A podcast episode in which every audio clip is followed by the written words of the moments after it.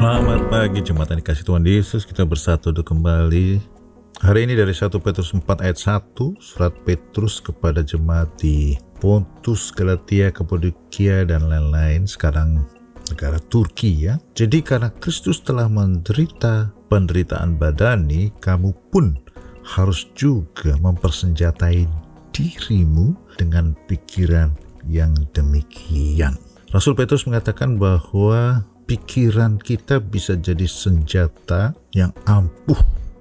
Ya kita tahu pikiran ini bisa juga tempat kita ditindas, dipermainkan oleh iblis, ditakut-takuti, dipenuhi dengan kekhawatiran, ketidakpastian akan masa depan sehingga membuat orang bukannya hidup dalam sejahtera dan sukacita tapi justru jadi kacau ya kan sebab itu jangan biarkan pikiran kita dipermainkan, tetapi justru pikiran kita kita pakai sebagai senjata yang ampuh.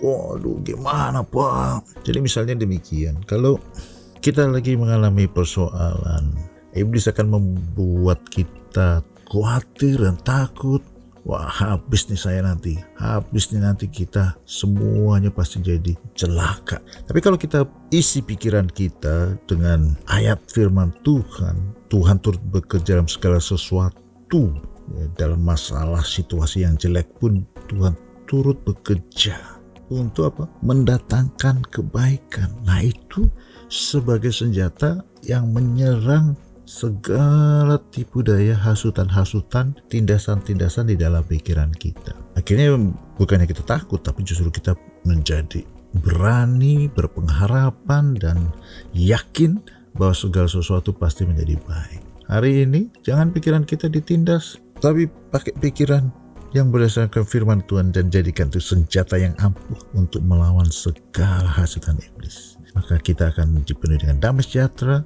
sukacita dan keyakinan yang luar biasa. Amin.